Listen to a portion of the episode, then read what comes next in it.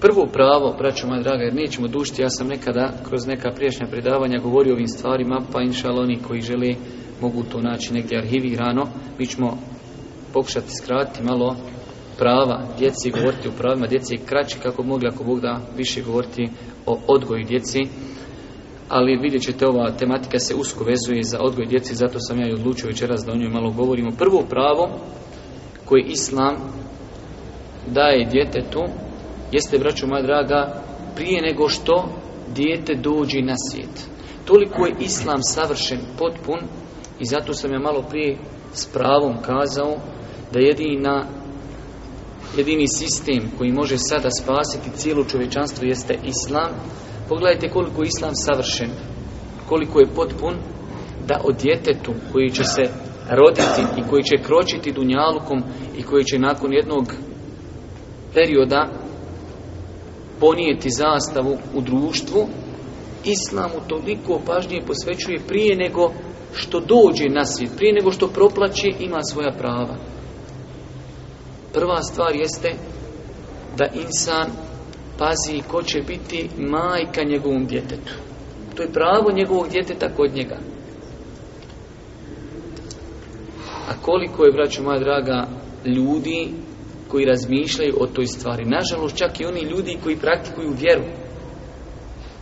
Vremena su se izopačila i ja sam nedavno govorio za 15 godina se mnogo toga promijenilo.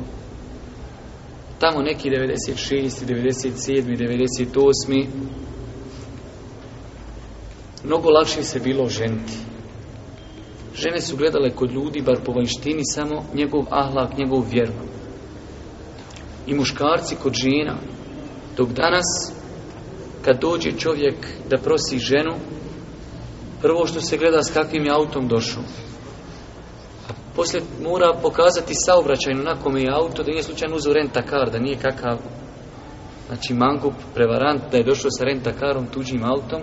Znači, kakvo je auto i na kome je auto, čiji je auto. Nakon toga dolazi pitanja o školi, nakon toga dolazi pitanja o porodici, nakon toga dolazi pitanja o poslu i tako mnogim drugim stvarima. Ja ne kažem da te stvari ne treba spomenuti nikako, ali kažem da pitanje vjeri je znači potisnuto. Koliko je ljudi kada se ženi prvenstveno gledaju kod svoje žene budući te osobe njene moralne osobine. Gleda se ono ima li kakvog amiđu gore neđe u parlamentu, ima li kakvu boravnu vizu gore neđe u Europskoj uniji da bi mogla srijediti tebi papire, da ideš gore iti i raditi na bauštelu, da izgrađuješ Evropsku uniju i tako.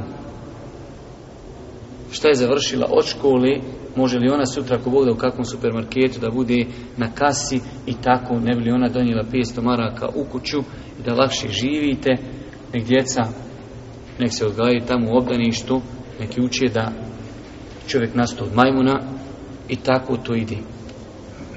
Boži poslanik kaže, ženu udaju četiri stvari. Pa spominje i metak. Da, to je bitna stvar. Pa spominje i ljepotu. I to je bitna stvar. Jer, ko što kažu, kaj ljepota je prolazna. Ali ne ljepota nije prolazna uvijek. Znači, i ljepota ima mjesto, i porijeklo ima mjesto. Ali kaže Boži poslanik, ali ti izaberi vjernicu. Vjera je najbitnija. Sve stvari treba gledat. Ali vjera najbitnija. Allahami mi je mis planeti. kad ti dođeš s bauštele, ona nije napravila hranu, ti nju bacio kroz prozor. Ona cijeli dan u kupatilu se šminka i štima obrve, a ne kos.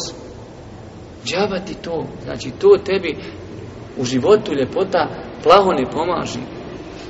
Porijeklo, ja sam tog i tog prezme, ti došao kući, zbaušteli cijeli dan, na suncu, nije gotova hrana. Djeca crče po kući, pogužvano, prljavo. To što si ti, sine, tog prezmena, to meni ništa ne znači. Ne živim ja s prezmenom. Ja živim, možda mi je sve tip top.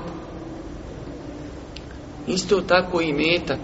Ako se ženi zbog imetka, Znaj da ćeš biti upregnut čitav život. Ali vjera, vjera, to je najbitnija stvar. Zato kažemo, pravo našeg djeteta jeste da mu roditelj izabere čestitu ženu, znači da izabiri sebi za ženu čestitu osobu koja će sutra odgojiti to dijete. Vidjeli ste kada smo mi spomenuli u početku ovog predavanja koliko u nas je prije nego što je dobio dijete pročitao nešto o odgoju djeci.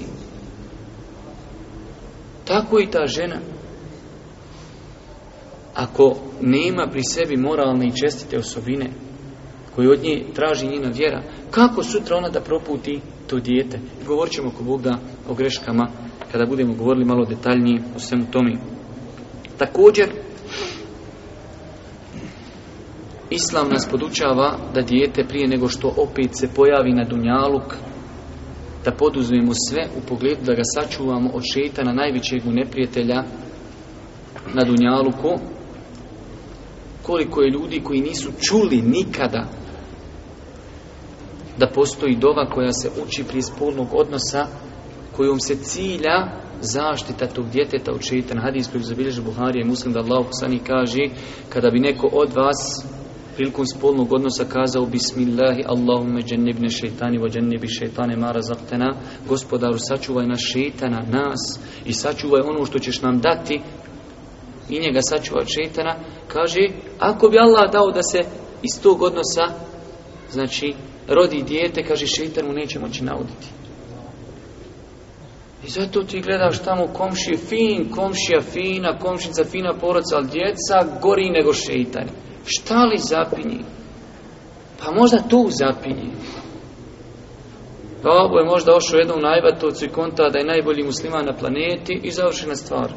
Treba li djeci, dove, ne treba to, ne kući vođa svoje djeci, nijem ja kad. Či to je pravo djeteta, braćo moja draga. Nažalost, kažem, čovjek ovako u razgovoru s braćom, ono, hajde kažemo s braćom, s ljudima koji, hajde kažemo, čitaju te neke knjige, to da odeš tamo nekom insanu, gore možda koji čuva ovce na Vlašiću, da mu kažeš ima dova, dovi se i tada se dove uče u krevetu, ma daj, kakva je to vjera, sad vi dovite i, i u to doba, pusti to, to, vi ste izmislili neke nove mezhebe. Hajde, s njima nećemo plavo se raspravljati. Čovjek dolazi u džamiju, klanja, vrti rijadu im po rukama, ti mu kao, ja to nemam pojma.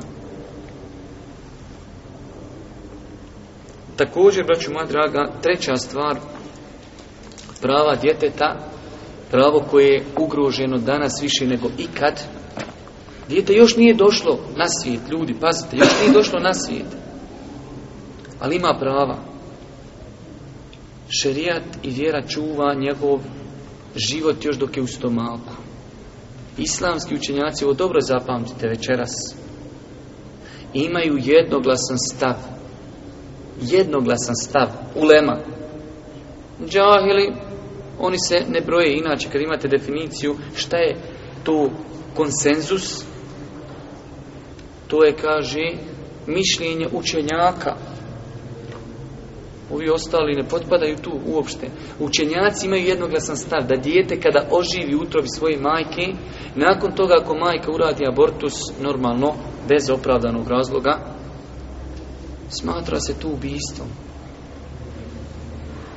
Ubijstvo i svi dokazi koji govori, zato kada otvorite tamo knjige koji govori o abortusu i kada govori da je zabranjen abortus, to argumentuju dokazima da je zabranjen upti čovjeka koji hoda po planeti. Dijete kad oživi gotovo, to je član planete, samo što je još u trbu. I ne smiješ mu nauditi čoveče. Islam mu je dao pravo, još nije izišlo, istomaka ima svoje pravo. To nema nigdje osim Islama. Ali nažalost kažem, nemoguće, danas nemoguće, saznati tačan broj koliko se abortusa učini u našoj ovoj Bosni pa i diljem svijeta. A kada bi znali te cifre, znači to insan ne bi mogu vjerovati u te onaj cifre koliko je bespravno oduzetih života. Znači prva stvar šerija to zabranjuje, s druge strane porazgovarajte sa insanima koji su kompetentni u toj struci pa ćete vidjeti koliko je štetnosti po ljudsko tijelo od tog čina. Hvala uzvišnom Allahu koji nas uputio muslimane na to da onaj smo to shvatili. Ali nažalost kažemo živimo u vremenu kada je svakodnevno u Bosni stotine abortusa u cijelom svijetu i stotine hiljada. Ali kažemo Islam je onaj zagarantovao insanu njegovo pravo još dok je i utrobi svoje majke. E sada se postavlja pitanje, pogledajte, dijete još nije izišlo uopšte na, na Dunjaluk, a Islamu toliko prava garantovao. Je li moguće da je Islam toj fazi ljudskog života toliko pažnje posvetio i onda dijete izlazi i onda kaže, hajde, sine, nek te vode tamo u obdanište, nek te oni tamo kumi kako hoće.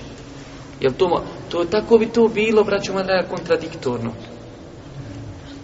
Da Islam, još nisi došao na svijet, dao ti toliko prava i onda kad doješ na svijet, kažu, odite ga tamo u neke jasnice, polažite mu otavi i neka tamo uči, druže Tito, mi se punemo, da zato u džehennem idemo, ili da je čovjek nastao od majmuna i tako dalje.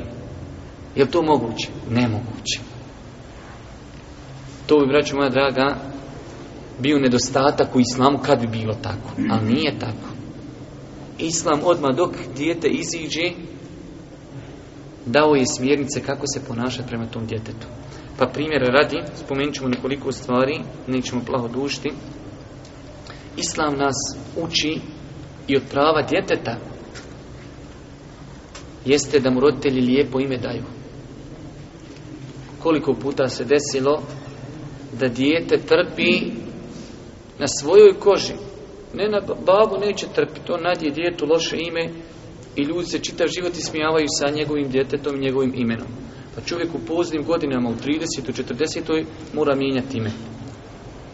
A naša vjera nas uči da razmišljamo o osjećaju djeteta kroz budućnost na način što će ga ljudi zvati imenom. Zato kaže Boži najljepša imena su što znači, ima oni imena koja nisu lijepe. On kaže, najljepša su imena Abdullah i Abdurrahman.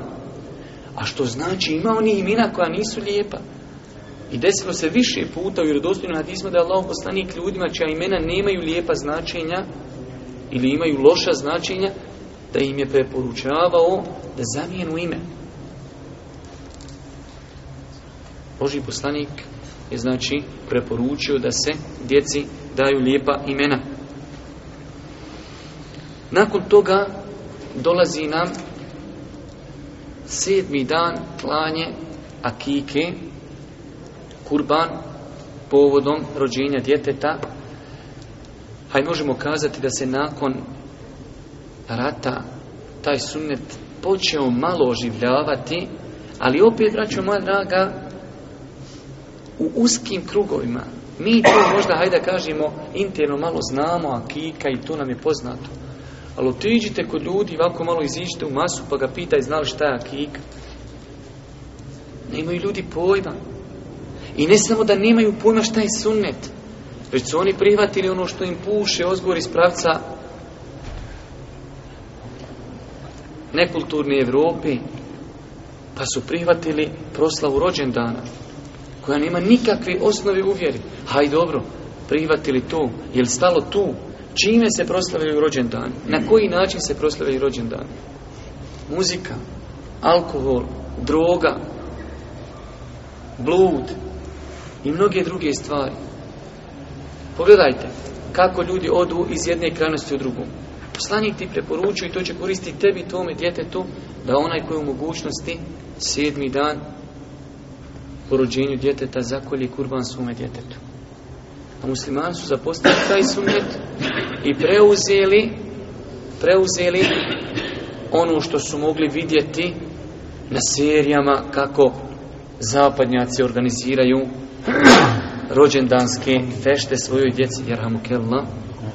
Pa su to oni slijepo prihvatili. I e, braću moja draga, žalostno je kako ti naši muslimani, ali to je sve u nedostatku spoznaju onoga što oni imaju, kako privataju negativnosti zapada. Zamislite sada, a to je tako i gori, da imate čovjeka i nekomu kaže, ali duše u kartonu je to, imaš novog Mercedesa, ali u kartonu. Možda malo taj karton da je isprljan medijskim lažima, ali unutar Mercedes, Imaš isto tako jednu veliku kutiju pored nje i u njemu je one dječje rošulce ili možda neki mali biciklić. Ali je to fino u celofanu. I dođe čovjek tebi, šta ćeš u vamo kutiju, sam ona malo prljava, isprljali su je medije, ali unutra merđa nov, ili ćeš vam ovo s rošulcama, čitav život ćeš hodati pješci. I neko njega ubijedi da treba uzeti rošulce. E tako ti je stanje s muslimanima kada ga neko ubijedi da prihvati ono sa zapada, ostavi islam. Nema boljih primjera. Ti svako re, ono, pa luđeš uzije trošulce, bolan vidi Mercedes. A kažem, pa malo mu kutija prljava. Ali ova kutija je dobra pravo, zbog toga ja tu. I tu gore isto, to je samo celofan. Daj mi, nek mi neko nešto donese. Čime je to zapad došao da to nema u islamu. Ali zato koliko je sa zapada nama došlo nekulturi, grijeha, nemorala. A mi to uzimamo, upijamo ko spužva. Ali kažem, to se vraća na korijen, a to je korijen, mi nismo svjesni šta imamo. I onda kad nisi svjestan šta imaš, ne preostaje ti ništa drugo nego da oponašaš drugi. Nakon toga pravo djeteta jeste, vraću moja draga, sunne činje, hvala svevišnjim Allahu, to bar bošnjaci kod sebe imaju, iako muslimani, generalno gledajući kroz historiju, bili su dosta puta ismijavani zbog prakticiranja tog sunneta, onoga što im je naredio njihov gospodar. Gospodar stvorio insana i naredio mu da se sunneti. Obrezuje, pa su zapadnjaci dugo vijekovima ismijalavali muslimane zbog tog postupka. Dok nisu došla ova naprednja vremena, kad kažem naprednja, mislim u pogledu onaj tehnologiji, pa ćete naći velike doktore u 60. i 70. godinama kako u Americi, tako u Rusiji, tako po Europi, da su bili najveći protivnici obrezivanja, a da su u 90. godinama prije 20 godina postali najveći pobornici obrezivanja gdje su kazali obrezivanje treba da bude rutinski čin dok se dijete rodi treba da se suneti. Kad su shvatili koliko koristi nosi u sebi obrezivanje. Tako da kažem hvala Allah, se, sve e, mogućim kod nas to bar ljudi prakticiraju u velikom broju slučajeva iako se zna desiti da roditelji zapostave tu stvar pa djeca, znači, ajde da kažemo, poslije su prinuđena da se možda stide toga što su njihovi roditelji to zapostavili. Također od prava djeteta koji ostavlja velikog traga na dijete jeste, braćo moja draga, pravo djeteta jeste prirodan način izrani.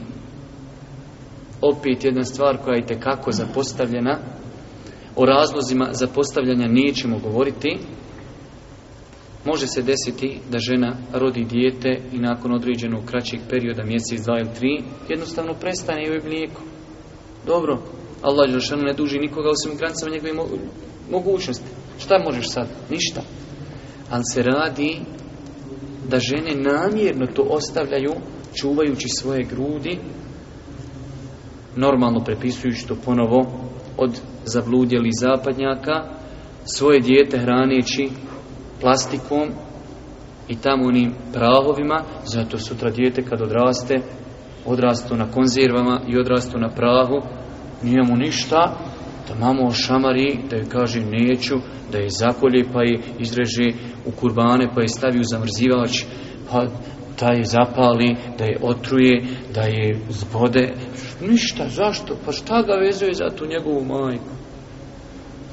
Dijete koje je dvije godine dojilo mlijeko svoje majki, na tome je naraslo njegovo tijelo i kroz njega, kroz njegovu krv, čitav život okola, kola, Boga mi, teško je, teško je pojmiti da dođe insan na taj nivo. Može se desiti ali kažemo, tamo ga odgojile neke perave, one zapakovane u konzervama, šta će dijete sutra poprimilo osobine od divljih životinja, pa se ponaša koji životinja. Također, od prava djeteta jeste da ga roditelji u granicama mogućnosti poduče propisima vjeri, pogotovo onim bitnim propisima, temeljnim načelima vjeri namaz. Boži poslanik je preporučio u sedmoj godini da se djeci već naređuje obavljanje namaza, u desetoj godini da se djeca čak odgojno istuku zbog namaza. Analogno tome djeca se uči i postu, djevojčice se uči hijabu.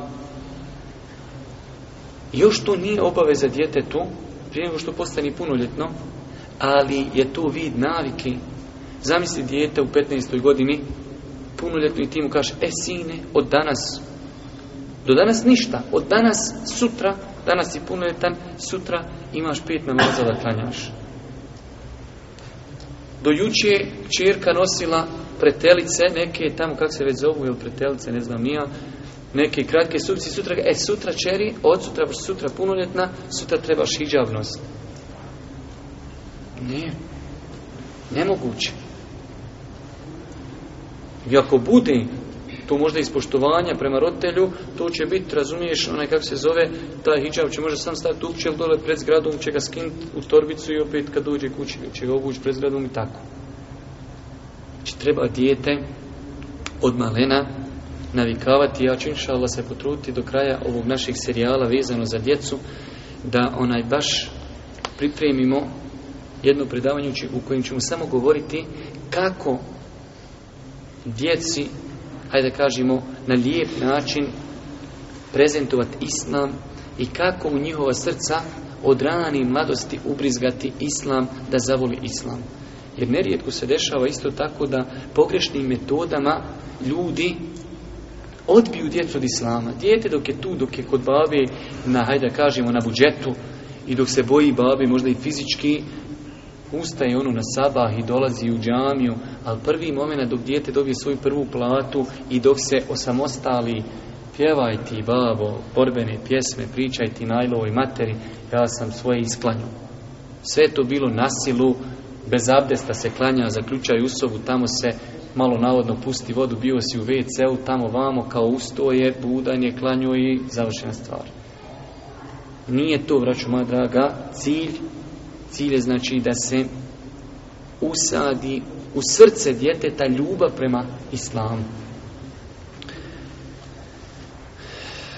Normalno, svemu tome igraju veliku ulogu roditelji svojim ponašanjem kako će prezentovati djeci islam jer kako očekivati od nekog djeteta koji gleda kako babo sjedi i gleda Argentinu i Brazil kako igraju čuje tamo on jedni kezan uči babo ne ide u džamiju i očekivati od tog djeteta sutra da ono ide u džamiju. Babo je gledao Argentinu i Brazil, on će mjesto toga otići još jednu stepencu, jer mi u svakom generaciji idemo stepencu niži. Neće on gledati Argentinu, on će gledati Argentinke i Brazilke. Ode on dalje. Ali zato isto kada dijete vidi da babo kada uči jezan, abdesti, ide u džamiju, klanja kod kući, majka klanja na vrijeme, to ostavlja traga sigurno na djecu.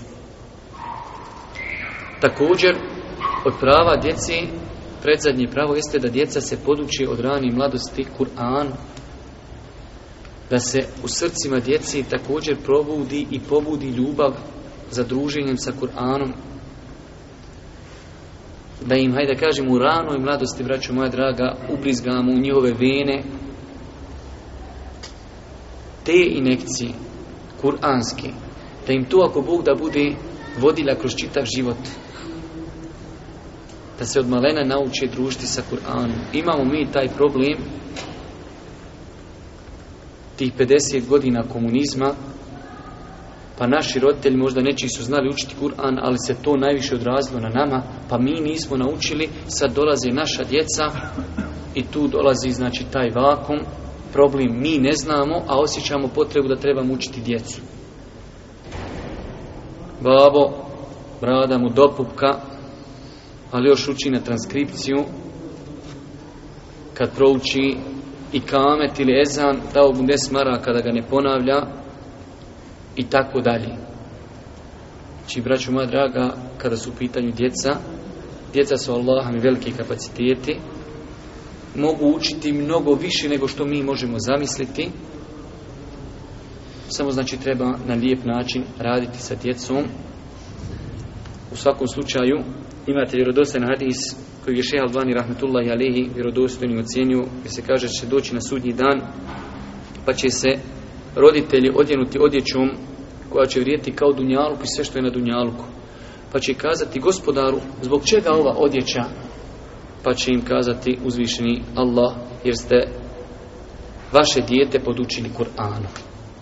Između toga i prije, znači toga će se ukazati velike počasti kroz ovaj hadis isti, znači roditeljima koja, koji su svoju djecu podučili Kur'anu.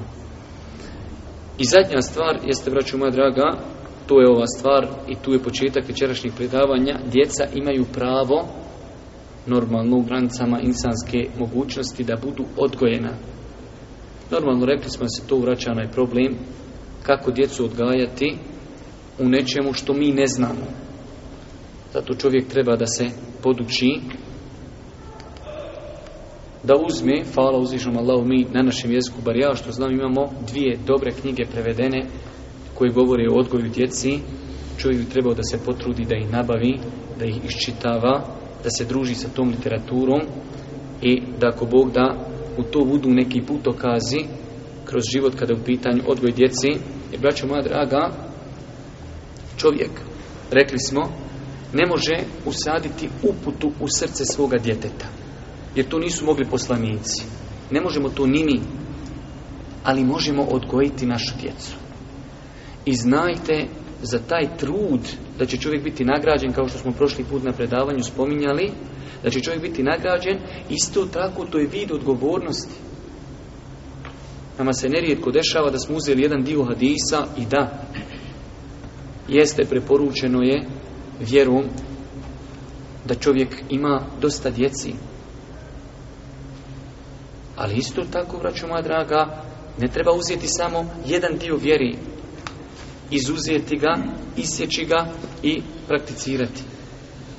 Ako, smo, ako želimo prakticirati hadise gdje Boži poslanik kaže ja ću se ponositi vašom brojnošću na sudnjem danu, isto tako trebamo uzeti one druge hadise